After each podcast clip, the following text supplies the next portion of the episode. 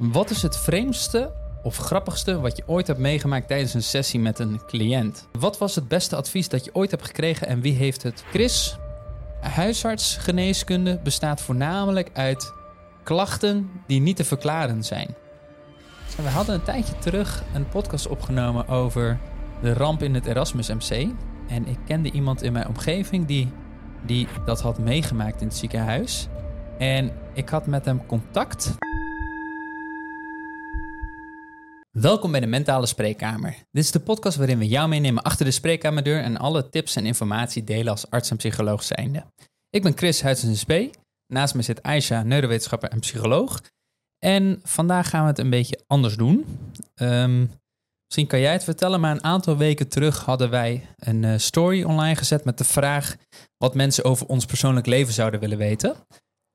En er zijn een heleboel vragen uitgekomen. En toen dachten we van ja, we kunnen wel, weet ik veel, 30 of 40 stories gaan maken over uh, specifieke vragen. Maar we dachten misschien is het voor jullie luisteraars van de podcast ook wel heel leuk om wat meer een persoonlijk inkijkje in ons leven te krijgen. Dus Precies. we hebben een aantal uh, leuke vragen verzameld. Ja, Ik heb ze zelf niet allemaal gelezen nog, want het waren er een heleboel. ik heb ze hier verzameld. En, en mocht het je ontlopen zijn, ontgaan zijn dat wij die story hebben geplaatst, vergeet ons dan vooral niet te volgen op Instagram, want daar posten we ook wat meer over ons leven zelf. En uh, komen ook dit soort vragen naar voren. Dus uh, zou je ook eventueel jouw vragen kunnen stellen voor de volgende podcast. Ja, dus er komen een heleboel vragen aan en uh, ik ben benieuwd. Ja, ik, ik, heb, ik heb een aantal vragen um, hier opgeschreven.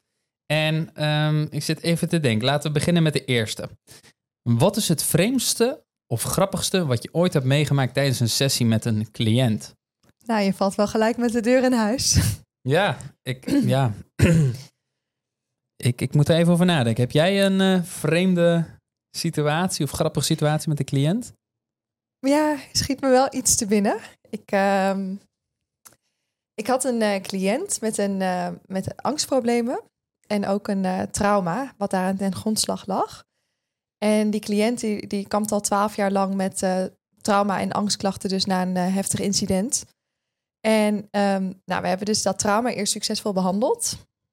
En op een gegeven moment gingen we met de angstklachten aan de gang. En dat ging ook stukje bij beter, steeds beter. Want sinds dat trauma was ze heel erg bang in het donker.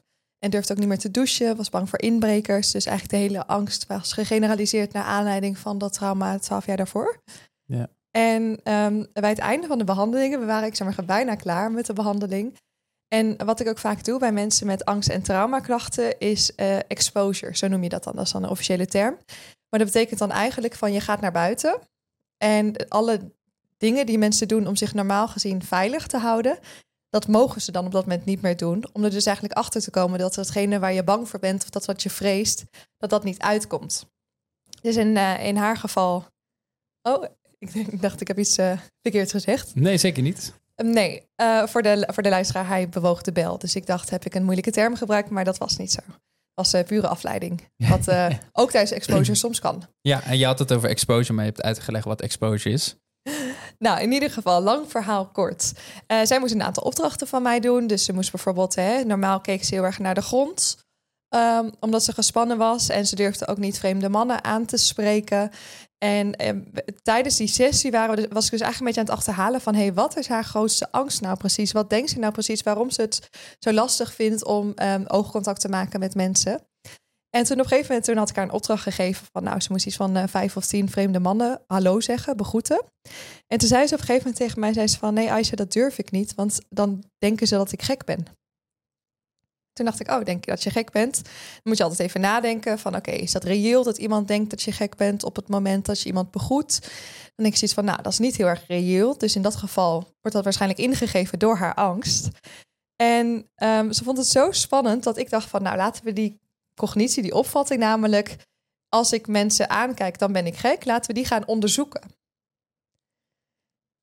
En nou, laten we dan gelijk naar de climax gaan. Uh, de beste manier om erachter te komen van of mensen gek waren, was in dit geval, hadden we bedacht als gedragsexperiment. We of jij? ik. Ja. was om te doen alsof ik gek was en om te kijken hoe de omgeving daarop reageerde. Want voor haar was het heel spannend. Dus ik had mezelf um, opgeofferd als uh, slachtoffer. En dan kon zij gewoon observeren als een waarnemer hoe mensen op mij zouden reageren. En we liepen het ziekenhuis in, dat was uh, in de buurt van de plek waar ik werkte. En ik ging gewoon letterlijk bij de receptie. Ging ik gewoon iemand uitbeelden en, en dit is niet vervelend bedoeld, maar we hadden bedacht van hoe zou iemand eruit zien die gek is. En die ging ik uitbeelden en zij ging gewoon puur observeren hoe mensen op mij zouden reageren. Om er eigenlijk achter te komen van wat er zou gebeuren. Dus ik ben in dat ziekenhuis ben ik gaan lopen met een hele gekke pas. Ik weet niet meer precies wat ik deed. Volgens mij heel vertraagd. En toen ging ik ondertussen met mijn rechterhandpalm op mijn hoofd dus de hele tijd slaan. Echt elke seconde. En ik ging een beetje gek naar de grond kijken. En dan ging ik vervolgens zo ijsberen. Dus ik heb uh, twee minuten lang in dat ziekenhuis... Um, nou, met een hele vertraagde pas, met niemand oogcontact gemaakt... terwijl ik mezelf op mijn hoofd aan het slaan was en aan het ijsberen was. Om dus wel duidelijk een signaal af te geven van... hé, hey, er is iets aan de hand. En dan moest zij gaan observeren eigenlijk hoe mensen op mij reageerden. Hmm. Dus eigenlijk het hele het idee erachter is dus dat ik het rampscenario aan het uitbeelden was, namelijk als een gek rondlopen, of wat mijn interpretatie dan is van als een gek rondlopen. Om erachter te komen dat waar zij bang voor was of dat uit zou komen. En is dat altijd, is, is het de taak aan de psycholoog om dat uit te oefenen? Want ik, kan me, ik, ik durf te wedden dat 9 van de 10 psychologen dit niet gaat doen. Nee, of het is het ook voornamelijk een, voor de cliënt? Nou, kijk, normaal, je wilt het liefst natuurlijk dat de cliënt het zelf ervaart. Maar als een cliënt het zelf heel spannend vindt, dan kan je natuurlijk wel door middel van het gedrag voor te doen, dan kan je het demonstreren, kan je het moddelen. Ah, ja. Dus in die zin, um, je kan het ook voordoen. En dan kan soms ook al een sterk effect hebben dat ze bij jou ziet um, wat er wel of niet gebeurt, of die ramp uitkomt. En in dit geval voor haar was het dus spannend. Dus ja, toen ben ik het maar gaan doen. En ik was in een creatieve bui. Dus ja. Uh, ja, ja, wat je creatief noemt. Ja, ik vind het aardig creatief. En, en, en hoe reageerden mensen op jou terwijl je daar als een ijsbeer uh, met, uh, met hoofdpijnklachten aan het rondklapperen was? Wat, wat, wat En nou, dat was dus het bijzondere. Dus letterlijk de helft van de mensen, die, um, de helft van de mensen die keek naar me, die liep gewoon door. Dus de helft van de mensen die schonk nul aandacht aan me. Terwijl ik daar toch best wel raar bij liep, moet ik zeggen. Uh, er waren iets van twee of drie mensen die me een beetje aan het aankijken waren. En die waren een beetje naar de rest aan het kijken. En die liepen toen verder, maar wel een beetje achterom kijken. Van nou, daar is iets aan de hand, maar ik ga, het niet, ik ga er niks van zeggen of niks doen. Niet de ijsbeer uit de boom aan het wachten. en um, die had ook de receptiemedewerker die zei op een gegeven moment... mevrouw, gaat het wel goed? En toen zei ik, ja, ik moet altijd even niet onderbreken. dit moet er altijd even, dit moet er even uit. Dus ik reageerde haar een beetje. En ik zei, ik, ik, reageerde wel op haar, maar ik wilde niet dat ze me ging afleiden van het uh, experiment. Dus ik zei, nee, dit moet er altijd even uit. En toen ging ik verder. En die dacht gewoon een beetje van, nou, weet je zeker, mevrouw, heeft u geen hulp nodig? Zeg ik, nee, nee, nee, dit moet er even uit. ik ben gewoon psycholoog en dit hoort bij mijn vak. En uh, ja, nou, dat ik heb ik toevallig niet gezegd. Ja. Ten gunste van het experiment. Dus dat was wel heel mooi. Want daarna ging ik dus naast die uh, cliënt zitten. En toen hebben we het dus nabesproken van... hey, wat is je opgevallen? Wat heb je gezien? Uh, toen vertelden ze me dus dat sommige mensen wel een beetje beduust keken. Maar mensen reageerden eigenlijk heel normaal op me. Terwijl ik echt wel als een gek gedroeg. Of ja, mijn interpretatie van een uh, gek op Ja. dat moment dan. En, um, en voor haar was het dus super helpend. Want gelijk die angst van... hey, als je iemand begroet dat diegene je gek vindt, was gelijk verdwenen. Want ja, als je daar als een, uh, als een ijsbeer, als een, als een, ja, als een hoofdpijn ijsbeer, zelfbeschadigende ijsbeer rondloopt, dan schenken mensen al geen aandacht aan je. Laat staan dat je iemand begroet. Ah, ja, het is best wel fascinerend inderdaad dat jullie psychologen ook bijvoorbeeld bij angst uh, en, en bij paniek stoorden ze volgens mij, dat jullie dan je, jullie hartslag zelf ook laten verhogen door op een bureaustoel ja. of door, door honderd keer te springen, om het even op een, bureau, op een bureaustoel te zitten en dan te draaien om duizeligheid op te wekken. Ik vind het toch wel heel fascinerend dat jullie psychologen dan uh, zo'n passie voor het vak hebben dat jullie zelf ook mee gaan doen. Ja, In, uh, ik zou nooit iets iemand willen aanleren wat ik zelf uh, niet zou doen. Ah, oké. Okay. Dus inderdaad. Dat goede als, voorbeeld geven. Dus cliënten die bij jou komen, die kunnen ervan uitgaan dat je al in gaat en uh, desnoods met hun meedoet als je dit soort taken krijgt. Als het gepast is voor de klacht, dan ja. ben ik zeker bereid wat extra te doen. Ik, ik denk dat, dit, uh, dat je de vraag wel beantwoord hebt. Want het is inderdaad een vreemde slash grappige situatie. Ja, vooral als je het hebt gezien.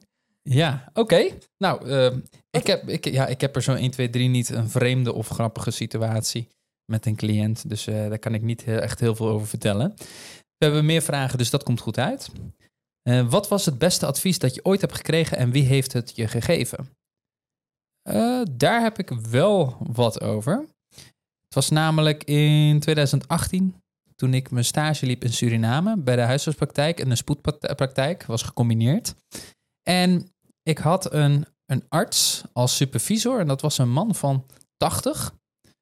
Een man die, die eigenlijk het vak zo bijzonder vond dat hij gewoon niet met pensioen ging.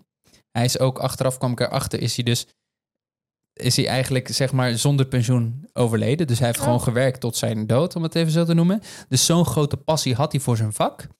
En wat hij mij vertelde was, uh, Chris, huisartsgeneeskunde bestaat voornamelijk uit klachten die niet te verklaren zijn. En dat, was, dat waren een van mijn eerste praktijkjaren in, eh, als, als arts. En dat klonk een beetje gek, dat ik dacht van, huh, die niet te verklaren zijn. Wat zijn die mensen dan? Wat is er dan met die mensen aan de hand? Mhm. Eh, waarom hebben die dan klachten als je het niet kan verklaren? Zij vertelde ook van ehm, wat, wat, wat ik dus het beste advies ooit vond en dat ik eigenlijk tot de dag van vandaag draag. Hij zei ook van stress en spanning in ons lichaam zorgt ervoor dat organen gaan knijpen. En hij vertelde dat ook heel mooi. Stel je bent gestrest en je bent misselijk, dan knijpt je maag. Stel je bent gestrest, je buik knort of je hebt onregelmatige ontlastingspatroon, dan knijpt je darm. Stel je bent gestrest, je hebt pijn op de borst, dan knijpen de spieren in je borstkas. En natuurlijk niet de acute pijn op de borst, dan moet je gewoon altijd naar de arts gaan. Maar hij zei van, dan kunnen je spieren uh, samen knijpen. Stel je, je bent nerveus of je paniek en je hebt tintelingen rondom je vingertoppen of je kaken, dan zijn het zenuwen die samen knijpen. Stel, je hebt stress en je hebt hoofdpijn, dan zijn het de spieren in je hoofd die samenknijpen. En, en toen dacht ik bij mezelf van, wacht eens even. Heel veel cliënten die ik zie, die met onverklaarbare klachten komen, zoals spanningshoofdpijn, onverklaarbare hoofdpijn, uh, buikpijn, et cetera, et cetera, prikkelbare darmsyndroom, dacht ik bij mezelf van, hé, hey, die theorie van hem, die klopt. Die kan ik overal eigenlijk mee eh, bij gebruiken. Dus ik heb hem ook echt dagelijks moeten gebruiken bij patiënten om te laten inzien van hé, hey, je hebt klachten, maar er zit ook een spanningscomponent, een mentaal component achter. Mhm. en, en wij vinden nu niks, dus ik kan nu wel een paar scans van jouw buik maken, maar we gaan helemaal niks vinden. En dat komt dus omdat spanning mentaal zorgt voor een fysieke samenknijpen. En hielp dat dan? Hm? Wat merkte je bij je patiënten? Hielp dat dan, die uitleg? Ja, het hielp wel, want mensen beseften toen van... hé, hey, het, is het heeft dus geen lichamelijke component. Dus ik hoef niet naar de neuroloog voor mijn hoofdpijn. Natuurlijk moet je wel alle alarmsymptomen uitsluiten. Ik noem nu even spanningshoofdpijn. Maar ik hoef niet naar de neuroloog. Wat hij mij ook heel mooi leerde was dat er bepaalde spanningsknopen zijn in je lichaam. Dus wat hij ook mooi vertelde, mensen met spanningshoofdpijn. Je weet gewoon dat de trapezius, dus de schouderspieren, links en rechts vaak pijnlijk zijn. Mhm. Dus die kun je ook gebruiken in je uitleg en in je verklaring. Dus hij leerde mij zelfs hoe ik mensen moest masseren om in te zien van... hé, hey, luister, hier zit die spanning. Die zit niet in je hoofd, maar die zit in de spieren eromheen. Mag ik wel bij mij een keer proberen? Ja. Kijken of het werkt? Ja, nou, misschien zit er inderdaad spanning in jouw schouders ook. Maar dat, dat gaf mij wel een inzicht die ik nog nooit had geleerd tijdens mijn hele opleiding tot de dag van vandaag. Tot de dag van vandaag heeft niemand mij uitgelegd van... hé, hey, wacht eens even. Al die onverklaarbare klachten, door spanning, die kun je ook voelen in je lichaam. Wat gaaf zeg. Met spieren. En dan vertelde hij op bepaalde plekken op, op je hoofd waar je moest drukken om die pijnpunten te vinden. Hij had ook, um, eventjes kijken, hij, hij, deed ook Chinese, uh, Chinese ehm, geneeskunde. En dan was hij soms ook met naaltjes en drukpunten bezig. Dat, dat, dat ging voor mij iets te ver. Daar was ik iets te westers voor qua, qua geneeswijze. Maar ik, ik, ik, ik vond het zo'n mooie verklaring dat ik het eigenlijk dagelijks ook toepaste in de praktijk. Bij mij in de, huis, zeg maar in de huisartsenpraktijk. Dus dat is denk ik wel echt het beste advies wat, wat ik ooit heb ontvangen. Heel gaaf. Ja. ja. Het klinkt ook heel mooi. Van sluit uit wat je uit kan sluiten. Maar op het moment dat je niks kan vinden, dat je dan toch um, een verklaring hebt waar mensen wel verder mee kunnen. Precies, precies. En jij zal het waarschijnlijk ook bij jouw cliënten zien. Dat je, dat, je toch, dat je toch gewoon inderdaad jouw cliënt ongetwijfeld heel veel lichamelijke klachten ervaren. Maar dat dat eigenlijk geen lichaamcomponent heeft, maar dat dat psychisch is. Ja, absoluut. Zeker in het kader van angst, trauma, psychosomatische klachten, absoluut. Maar zelfs bij depressie. Zelfs bij depressie. ja. En dus bij slaap, ja. Dus, dus dat heeft allemaal component. Maar dat is denk ik mijn beste advies. Jij nog een, uh, ooit het beste advies ooit ontvangen? Schiet me nu even niet eentje te binnen. Geen, uh, geen Chinese psychologie uh, ergens vandaan gehaald of Oosterse geneeskunsten? Ja, misschien dat er later wel eentje binnenkomt. Nou, We gaan nu niet direct een eh, lampje branden. oké. Misschien een wat kortere vraag. Ja, even kijken. Waar geef jij je geld aan uit en waarom? Oh, dat is ook wel een leuke. Ja, jij, eh, jij bent degene van ons twee die het meeste geld uitgeeft, denk ik. Dat denk ik ook. Ja, ik ben, ik ben heel spaarzaam. Ik, geef, ik vind het moeilijk om mijn geld uit te geven aan dingen. Maar anderzijds denk ik wel, als ik het nodig heb of voor mijn gezondheid is...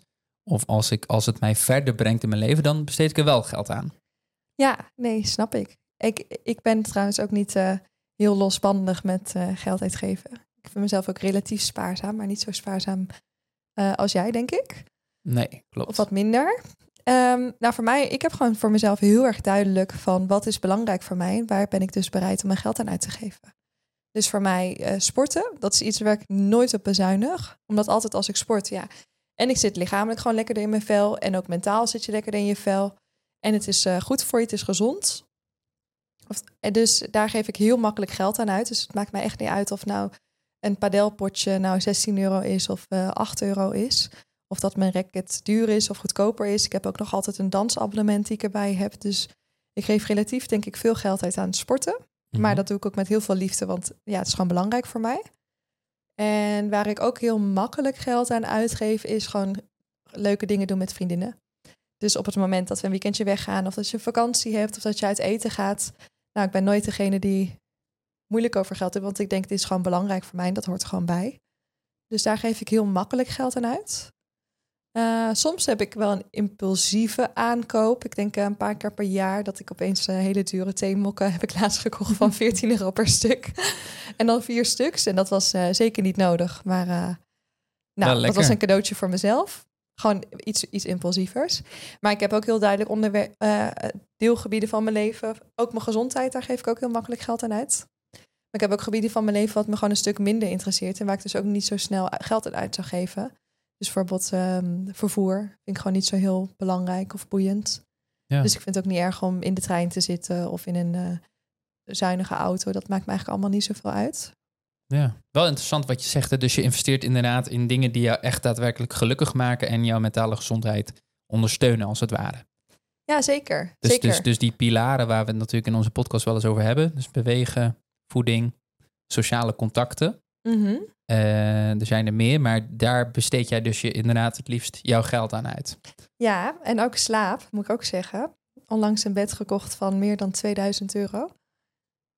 Maar ehm, ja, mijn slaap is ook iets waar ik graag in wil investeren. Ja, ja en, en je ligt er acht uur per dag op. Dus eh, acht of negen uur of zeven uur. Ja, Dus dan kan je beter goed liggen dan dat je, dat je inderdaad helemaal inzakt, rugpijn hebt. Eh, precies. ik, de- ik denk ook wel dat zo'n duur matras eh en dure topper, ze zijn niet noodzakelijk. Maar als je wilt investeren, waarom dan niet? Waarom ook niet? Want je kan denk ik prima op een IKEA-matras om prima slapen, goede slaapkwaliteit behalen. Absoluut. En nog belangrijker is denk ik dat je weet wat voor een type slaper je, je bent. Dus ik ben bijvoorbeeld een zijslaper en ik krijg het snel s'nachts warm. Dus voor mij is het wel belangrijk dat ik een iets zachter matras heb om goed te kunnen slapen.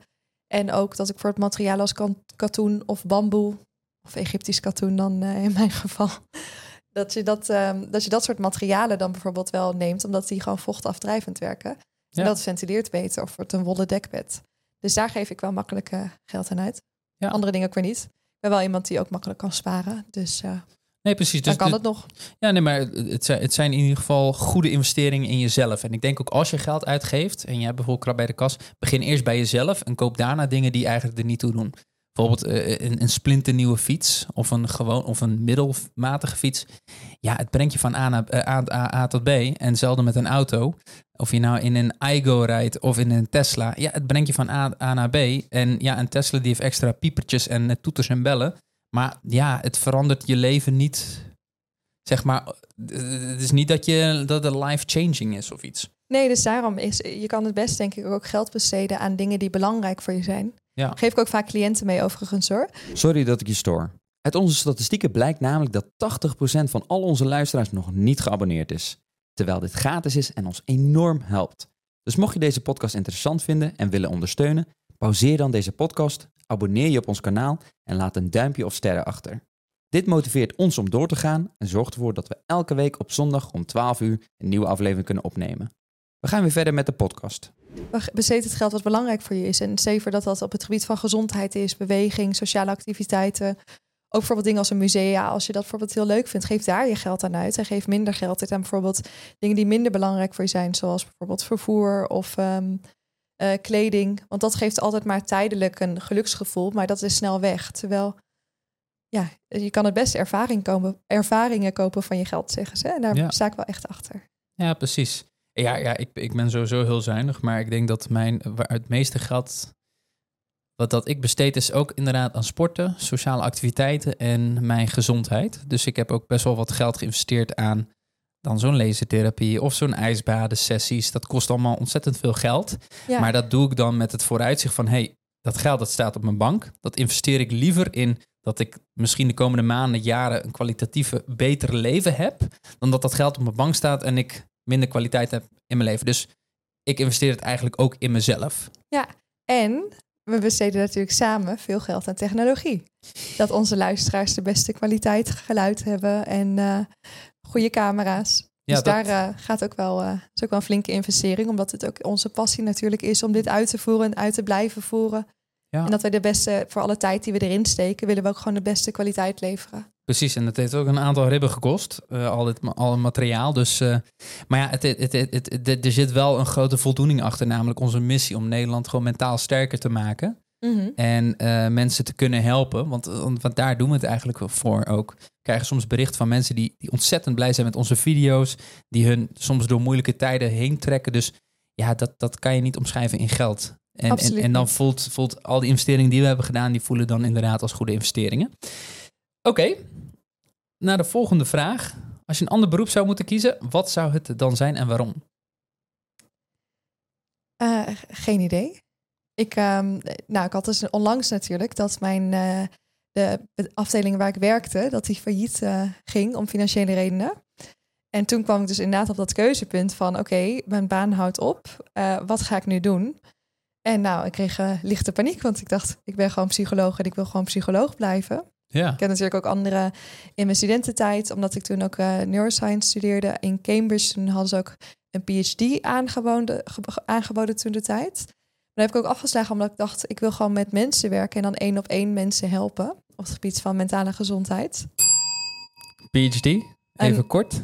Proefschrift, dat is toch de letterlijke vertaling? Nou ja, een een, een, een, een thesisonderzoek van drie, vier jaar, waarin je één onderzoek eh, helemaal uitkampt. En dat je daar in ieder geval een stuk of vier, vijf artikelen uit publiceert op een bepaald onderwerp. Dus je wordt eigenlijk een soort van expert op een minigebied. wetenschapper. Een wetenschapper, ja. Ja, Maar ja, ik wil eigenlijk gewoon psycholoog worden. En nou ja, nu doen we dat via Chris en Aisha. Dus Ja. eh, zo creëren we het. Ik moet er niet aan denken eigenlijk om iets totaal anders te gaan doen. Om, eh, weet ik veel, eh, ja, PR te worden of zo. Nee, geen idee. Je hebt, jij, wil, jij moet gewoon psycholoog blijven. En laten Ja. we dat ook zo houden, inderdaad. En Ja, jij?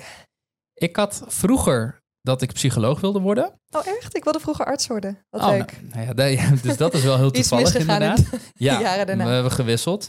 Maar ik merkte dat met psychologie dat ik sowieso... Ik, ik had een hele fascinatie voor systemen, voor computers. Ik was echt computergek. Dus ik eh, ging naar Vlooienmarkt en dan kocht ik een computerkast. En dan kocht, zocht ik los de RAM, RAM-geheugens erbij. Harde schijven installeerde ik zelf. Processors plakte ik met lijm thuis zeg maar in de moederbord. Dus ik was daar helemaal door gefascineerd. En je kon bepaalde systemen, bepaalde onderdelen wisselen. En toen besefte ik wel van, hey, psychologie, ontzettend, eh, ontzettend interessant en fascinerend. Maar ik mis een beetje de systemen. En toen dacht ik van, hey, gezondheid is ook een systeem. Ons lichaam is ook een systeem. Ja, Soms is er een onderdeel dat minder goed werkt. Nou, dat moet je dus upgraden, om het even zo te noemen. En dan moet je stuursysteem ook geüpdate worden. En toen besefte ik van, hé, hey, dat vind ik ontzettend interessant. Dus ik wist op vrij jonge leeftijd al dat ik arts wilde worden. Maar als ik iets anders zou moeten kiezen, dan zou dat of dierenarts zijn. Ik vind dieren echt geweldig. Dat zijn ontzettend rauwe dieren. Ja, nou ja, als het kan met puppies alleen, dat zou een hele mooie niche zijn. Maar ik vind dieren zijn zo ongerept. Heb ik altijd het idee. Dieren, zijn, dieren vermijden niet, heb ik het idee. Dieren zijn puur. Het zijn net kinderen. Zou je dan niet met baby's willen werken? Nee, ik heb hyperacusis, dus ik heb, ben gevoelig voor harde, harde geluiden en, en gekrijs. Dus ik ben daar niet zo sterk in. Dus ik denk dat als ik Dat dat de hele dag hoor, dan krijg ik heel veel hoofdpijn. Dus dat is ni- niks voor mij. Maar dieren lijkt me echt inderdaad heel fascinerend. Omdat ze zo puur zijn. Het zijn net, net baby's inderdaad. Als ze willen huilen, dan huilen ze. Als ze boos willen zijn, dan zijn ze boos. Sorry, maar ons systeem bleef dus eh, vastlopen. Dat is namelijk ons, eh, ons audiosysteem. Ik keek al naar het scherm en ik zag, nee, hij loopt gewoon vast. Het is letterlijk een ding dat wij een maand geleden nieuw hebben gekocht. Dus ik weet niet waar dit vandaan kwam, maar onze excuses dat ons verhaal abrupt beëindigd werd net. We gaan het weer verder oppakken. En eh, we waren gebleven bij, welke, eh, bij, bij de volgende vraag. Namelijk, wat is het grappigste wat je ooit is overkomen tijdens het opnemen van een podcastaflevering? Nou ja, Dit? dit, dit, dit vond ik, vond niet zo grappig. nee, het was alles niet. behalve grappig als je ontzettend veel geld investeert aan zo'n audiosysteem en het loopt vast. Ja, het is natuurlijk ook niet niks om zomaar een podcast op te nemen. Dat kost natuurlijk ook energie. En eh, die is bij jou ook schaars. Dus het Ja, is wel precies. belangrijk dat alles het doet. precies. En ik hoop dat jij eventjes met de, met de leverancier contact opneemt, want dit is natuurlijk ook eh, best bijzonder dat hij vastloopt. Ga ik doen. Zijn er andere grappige dingen? Ehm, ja, wat, wat ik wel bijzonder vond was, eh, we hadden een tijdje terug een podcast opgenomen over de ramp in het Erasmus MC.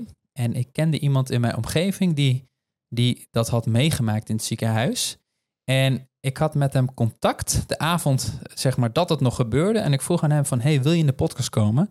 Eh, om zo ehm, je verhaal te vertellen, maar ook om praktische tips te kunnen geven wat je moet doen na zo'n heftig trauma zoals in het Erasmus MC van de schietpartij. Dus hij kwam de dag erna kwam die, eh, hier langs. En ik moest dus toen die dag onze microfoons instellen. En we hadden drie microfoons nodig, maar we hadden er twee. Nou, Ja. dat is lastig, want je hebt een gast, dus dan moet je drie microfoons ineens hebben. Daar hadden we niet op geanticipeerd, want het werd letterlijk, denk ik, acht uur van tevoren voor het opnemen werd het eh, besproken. En toen heb ik dus een, een simpele microfoon van mijn DJ-carrière van vroeger heb ik gepakt en die hadden we dus geïnstalleerd. Het probleem een beetje was dat het niet echt duidelijke noise cancelling was. Dus, dus het, het annuleren van geluid, omgevingsgeluiden. En je zal wel nou net merken, er komt iemand speciaal een eindje rijden voor, om in de podcast een verhaal te doen. En precies op dat moment, ik had toen ook mijn headset op, is men een heel bos voor de deur aan het kappen. Ja, we hebben heel veel bomen in de tuin. Mhm. Binnen, of ja, de tuin. Eigenlijk is het openbare ruimte. Maar heel veel bomen in de tuin. Ik heb nog nooit niemand gezien. En opeens gaan ze al die bomen omzagen. En mijn microfoon pakte dus al dat geluid op. Dus Chris was dan naar mij aan het smispelen. Of eigenlijk aan het, eh, aan het seinen van... Hey Aisha, praat zo min mogelijk. Zolang die mensen nog bezig zijn. Want ehm, jouw microfoon die doet het niet. Dus Ja. toen... ehm, Als je ook naar die podcast luistert of kijkt, dan zie je mij ook met mijn ogen eigenlijk contact zoeken met jou van hey, nu even niet praten, want ik hoor die bomen gewoon door jouw microfoon heen. Dus je ziet mij ook tijdens die podcast zeg maar de kanalen dichtzetten van Aisha, omdat, omdat haar microfoon, dus mijn oude microfoon, alle omgevingsgeluiden meepakte. Deze microfoons hebben dat niet. De, de- het zijn speciale podcastmicrofoons, maar een gewone microfoon pakt alles mee. Dus je hoorde de hele tijd zzz, zzz, door die hele podcast heen. Dus het echt, je had mijn gezicht moeten zien. Dat, dat kun je dus ook zien. Maar ik was echt wel aan het stressen dat ik dacht van shit, ja, absoluut. daar gaat onze podcast. Dus ik denk dat dat een van de ja, ook grappigste, maar ook weer niet zo grappige eh, situaties was tijdens de podcast. En het duurde echt 20 minuten. Dus het, het leek alsof ze heel het landgoed hier aan het verbouwen Ja. waren. Ja. Dus eh, nee, dat was wel een. eh, dat was, ja, vond ik niet heel grappig. Maar anderzijds zou ik me wel kunnen voorstellen dat mensen dit grappig vonden. Volgende vraag. Welke muziek luister je graag om jezelf op te vrolijken op een sombere dag? Je kijkt mij aan. Ik, Nou- eh, ik, ik, ik kan nu even niet op iets komen. Nou, ik denk, ehm, ik, ik heb bijna nooit dat ik me somber voel. Maar heel soms heb, je ook wel, heb ik wel ook een dag inderdaad dat ik me somber voel. En ik denk dan niet echt dat ik muziek ga uitzoeken om mezelf op te vrolijken. Als ik een keertje somber ben, dan denk ik ook van, oh, dan mag dat gevoel er ook wel zijn. En dan eh, even kort erin zwelgen en dan daarna weer door. Dus ik denk, als ik een somber ben, dan zou ik eigenlijk liever Adele opzetten. En een beetje melancholisch eh, gaan meeblaren. En dan een paar uur later weer denken van... oké, nu heb ik dat even gehad. Nu ga ik even buiten wandelen. En eh, weer verder met het leven. We kunnen weer door met het leven. Maar, maar zorgt dat er niet voor, juist voor dat je in je verdriet blijft zitten? Of zie je dat als een soort van rouw slash verwerkingsproces? Ja, ehm, nou, het is sowieso denk ik niet erg om af en toe, eh, om af en toe je somber te voelen en om ruimte te geven aan die emoties. Dus ik denk als je er niet eh, dagen of weken in blijft zitten, dan is het misschien wat minder handig. Stel je voor, je bent al een week lang verdrietig of somber. En als je dan uh, dagelijks Adele op gaat zetten om nog iets verder te zakken, dan is dat misschien niet heel erg positief. Maar als het zo af en toe een keertje opkomt, dan kan het ook wel weer wat ruimte geven. Ja, ik denk ook dat iedereen daar anders in, in zit. Als ik somber ben, dan, dan zet ik eerder het tegenovergestelde op. Dan zet ik bijvoorbeeld uh, merengue op. Dus een beetje... Dat je gelijk al Oh ja. vrolijk wordt. Dat helpt bij mij echt... eh, Uit welk land komt merengue? Is dat... Goeie vraag. Dat kan eh, dat, of Colombia of Puerto Rico of het komt allemaal Oh, een ja. beetje uit die hoek. Maar dat, een beetje van dat, snel, van, dat, van dat gezellige salsa-achtige, maar dan minder. Salsa is een beetje eh, aperig. Maar merengue is gewoon volgens mij 160 beats per minute. Gewoon tridit, dit, dit, dit, dit. en dan allemaal van die leuke toetertjes en eh, belletjes. En Ik moet ook een beetje denken aan die Mexicaanse muziek die je dan vaak in van die cafeetjes hebt. eh, die dan ook een hele vrolijke, gezellige muziek heeft. En dat je denkt van oké, ik ken geen enkele artiest die dit speelt. Het ja. genre is eh, niet heel erg geëvolueerd sinds een beetje de Latin eh, artiesten de wereld hebben overgenomen. Maar die vibe krijg ik Klopt. ook een beetje bij. Een beetje van de muziek waarvan je al bij voorbaat weet. Het is een man met een BMI van 32, met een dikke snor, Mexicaanse hoed, vrolijk en gewoon lekker aan het zingen met zijn gitaar in zijn hand. Dat, dat zie je gewoon als ze zingen. Dus, dus dat soort muziek vind ik echt heerlijk. En eh, dat werkt bij mij voor mijn somberheid. Maar ik denk dat je ook een beetje je eigen stijl erin moet gaan vinden. Ja, ja, ik denk dat de keren dat ik Adele opzet, was misschien maximaal één keer per jaar. Eén keer per jaar. Oh, nou, dan gaat het. eh, dat Maar is- misschien als ze met een nieuw album komt, dat we dan... eh, Dat is wel een goede graadmeter. hè. Als je één keer per jaar Adele luistert, dan eh, ben je niet somber. Niet vaak somber in ieder geval. Oké, even kijken. Zullen we nog een vraag beantwoorden? Ehm, welk advies zou je geven aan je jongere zelf als je terug zou kunnen gaan in de tijd? Wat een mooie vraag. Hele mooie vraag, ook wat een diepgaande vraag. Ja, ik denk ook als luisteraar, eh, ja, beantwoord hem zelf ook, zou ik zeggen. Ja. Ik denk als ik eh, mijn jongeren zelf zou adviseren, zou denk ik vooral zijn om minder te vermijden. Dus als ik een beetje terugkijk naar de fases van mijn leven, dan heb ik een beetje het idee dat ik elke vijf jaar wel een soort van een andere copingmechanisme heb. Dus een andere manier om met dingen en problemen om te gaan. En voorheen was dat bijvoorbeeld wel dat ik dan, hè, zeker in de middelbare schooltijd, dan deed ik altijd alsof alles goed was, had ik echt een masker op. Dus dan van binnen kon ik dan wel eens eh, eenzaam of verdrietig of me alleen voelen. En dan naar de buitenwereld deed ik echt totaal tegenovergestelde. Dus niemand had dat natuurlijk eh, bij mij door. En ik denk ook in die periode daarna, mijn studententijd, dat je dan hè, ging ik juist altijd heel hard werken en een beetje moeilijke onderwerpen en situaties vermijden. Ik denk de afgelopen vijf jaar ben ik juist veel meer open gaan, ben ik veel opener eigenlijk geworden van hoe ik me voel. O- En dan zowel dat je je verdriet uit, maar ook je boosheid uit of kritische vragen stelt of ehm, wat meer reflecteert. Dus eigenlijk wat meer het beestje bij zijn naam noemt. En dat geeft eigenlijk wel heel veel rust en ruimte en heeft juist een heel positief effect. Merk ik dan tenminste op mijn eh, leven, gewoon in relatie met mezelf, maar ook in relatie met mijn omgeving. Ik Ja, ben ik wat denk- echter geworden, wat puurder. Ja, precies. En dat lucht ook wat meer op. Dan hoef je niet zo op te kroppen. Al die emoties. Ja, en ik bedoel op het moment dat je, dus bijvoorbeeld als kind, ehm, ik liet bijvoorbeeld mijn, mijn vrolijke kant liet ik heel erg zien buitenshuis. Maar als ik me dan slecht voelde, ja, niemand kon het aan mij aflezen, want niemand begreep mij. En dan voel je je extra alleen.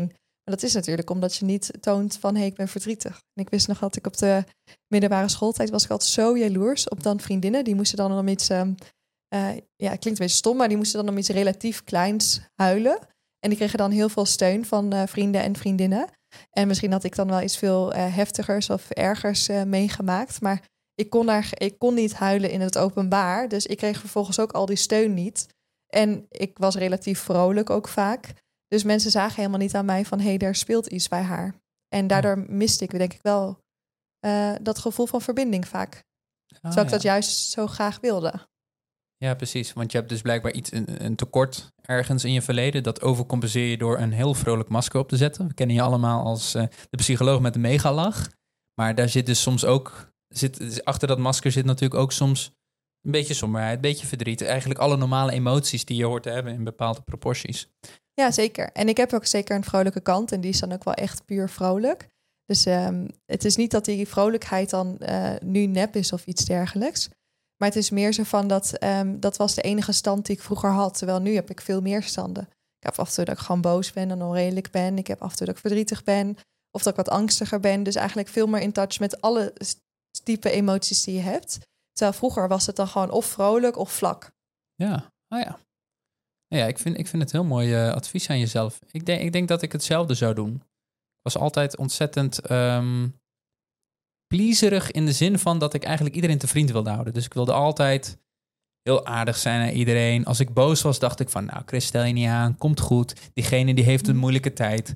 Of, uh, of, of als ik verdrietig was, dan moest ik de man blijven. En dacht ik van, nou, dat hoeft allemaal niet. Maar nu heb ik meer zoiets van, ja, weet je, als ik boos ben, dan ben ik boos. En dan hoor je het. En dan uit ik het.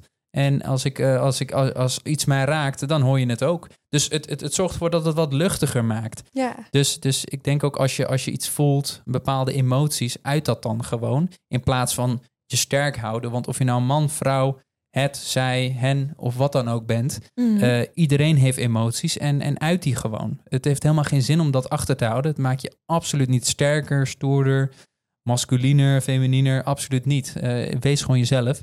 En dat is denk ik ook het advies dat ik zou geven aan mezelf. Van nee, als je emoties hebt, uit ze gewoon. Dat Maakt niet erg, dat heeft iedereen. Nou, we hebben een aardig wat vragen gehad. Ik denk dat we ook uh, kunnen afronden. Hebben we een tip van de week bij een Q&A? Is dat iets wat we gaan inlassen? Ik denk dat we net een mooie tip van de week hebben gegeven. Vat hem maar samen. Ja, dus als jij emoties voelt, uit ze dan gewoon. Je hoeft niet te pleasen, je hoeft niet jezelf in te houden. Uit ze gewoon, maar dan wel op een respectvolle manier. Probeer dat uit en zie voor jezelf hoe dat zich uitpakt. Ja, en daarom zou ik graag willen aanvullen, is dat we vooral vaak leren, ook zeker als kind zijnde, dat je niet boos mag zijn. En dat boosheid een slechte emotie is. Um, maar boosheid kan dus ook een hele duidelijke manier zijn om aan te geven dat iets je raakt of dat iets je tegenzit. Uh, en het kan ook een hele duidelijke manier zijn om grenzen aan te geven. Dus op het moment, hè, stel je voor, ik zou nu, um, stel je voor, je draagt nu een horloge en ik zou jouw horloge van je afpakken. Dan op het moment dat jij boos wordt naar mij, dan is dat gelijk een signaal voor mij van hé, hey, ik moet niet jouw horloge afpakken. Ja, duidelijk. Maar op het moment dat jij niks daarover zegt en ja en amen, dan, dan, dan ga je de volgende keer nog een keer uh, je grens over of nog een keer. Mm -hmm. Dus boosheid kan een heel duidelijk signaal zijn om je grens te bewaken en ook aan te geven van hé, hey, wat jij nu doet, dat is niet oké. Okay. En dat geeft ook een signaal aan de ander van stop. Ja, dus jij als luisteraar, ben je boos? Wees gewoon boos. Ja. Daar komt het op en neer. Probeer dat je psycholoog niet je horloge had. Precies. Ja, dus, uh, dus, dus uit gewoon je emoties en uh, probeer dat de komende week uit en laat ons vooral weten wat het je opgebracht heeft. En voor nu wil ik je bedanken voor het luisteren naar onze podcast. Heb je je nog niet geabonneerd? Doe dat dan vooral. Dat helpt ons om onze missie om Nederland gezonder, mentaal gezonder te maken, om dat te verbreden. En zodat zoveel mogelijk mensen hierachter kunnen komen dat wij dit doen. En voor nu wil ik jou bedanken voor je openheid, IJsje. Jij ook. Ja, graag gedaan. En uh, dan spreken we jullie de volgende week. Tot de volgende week. Tot de volgende week.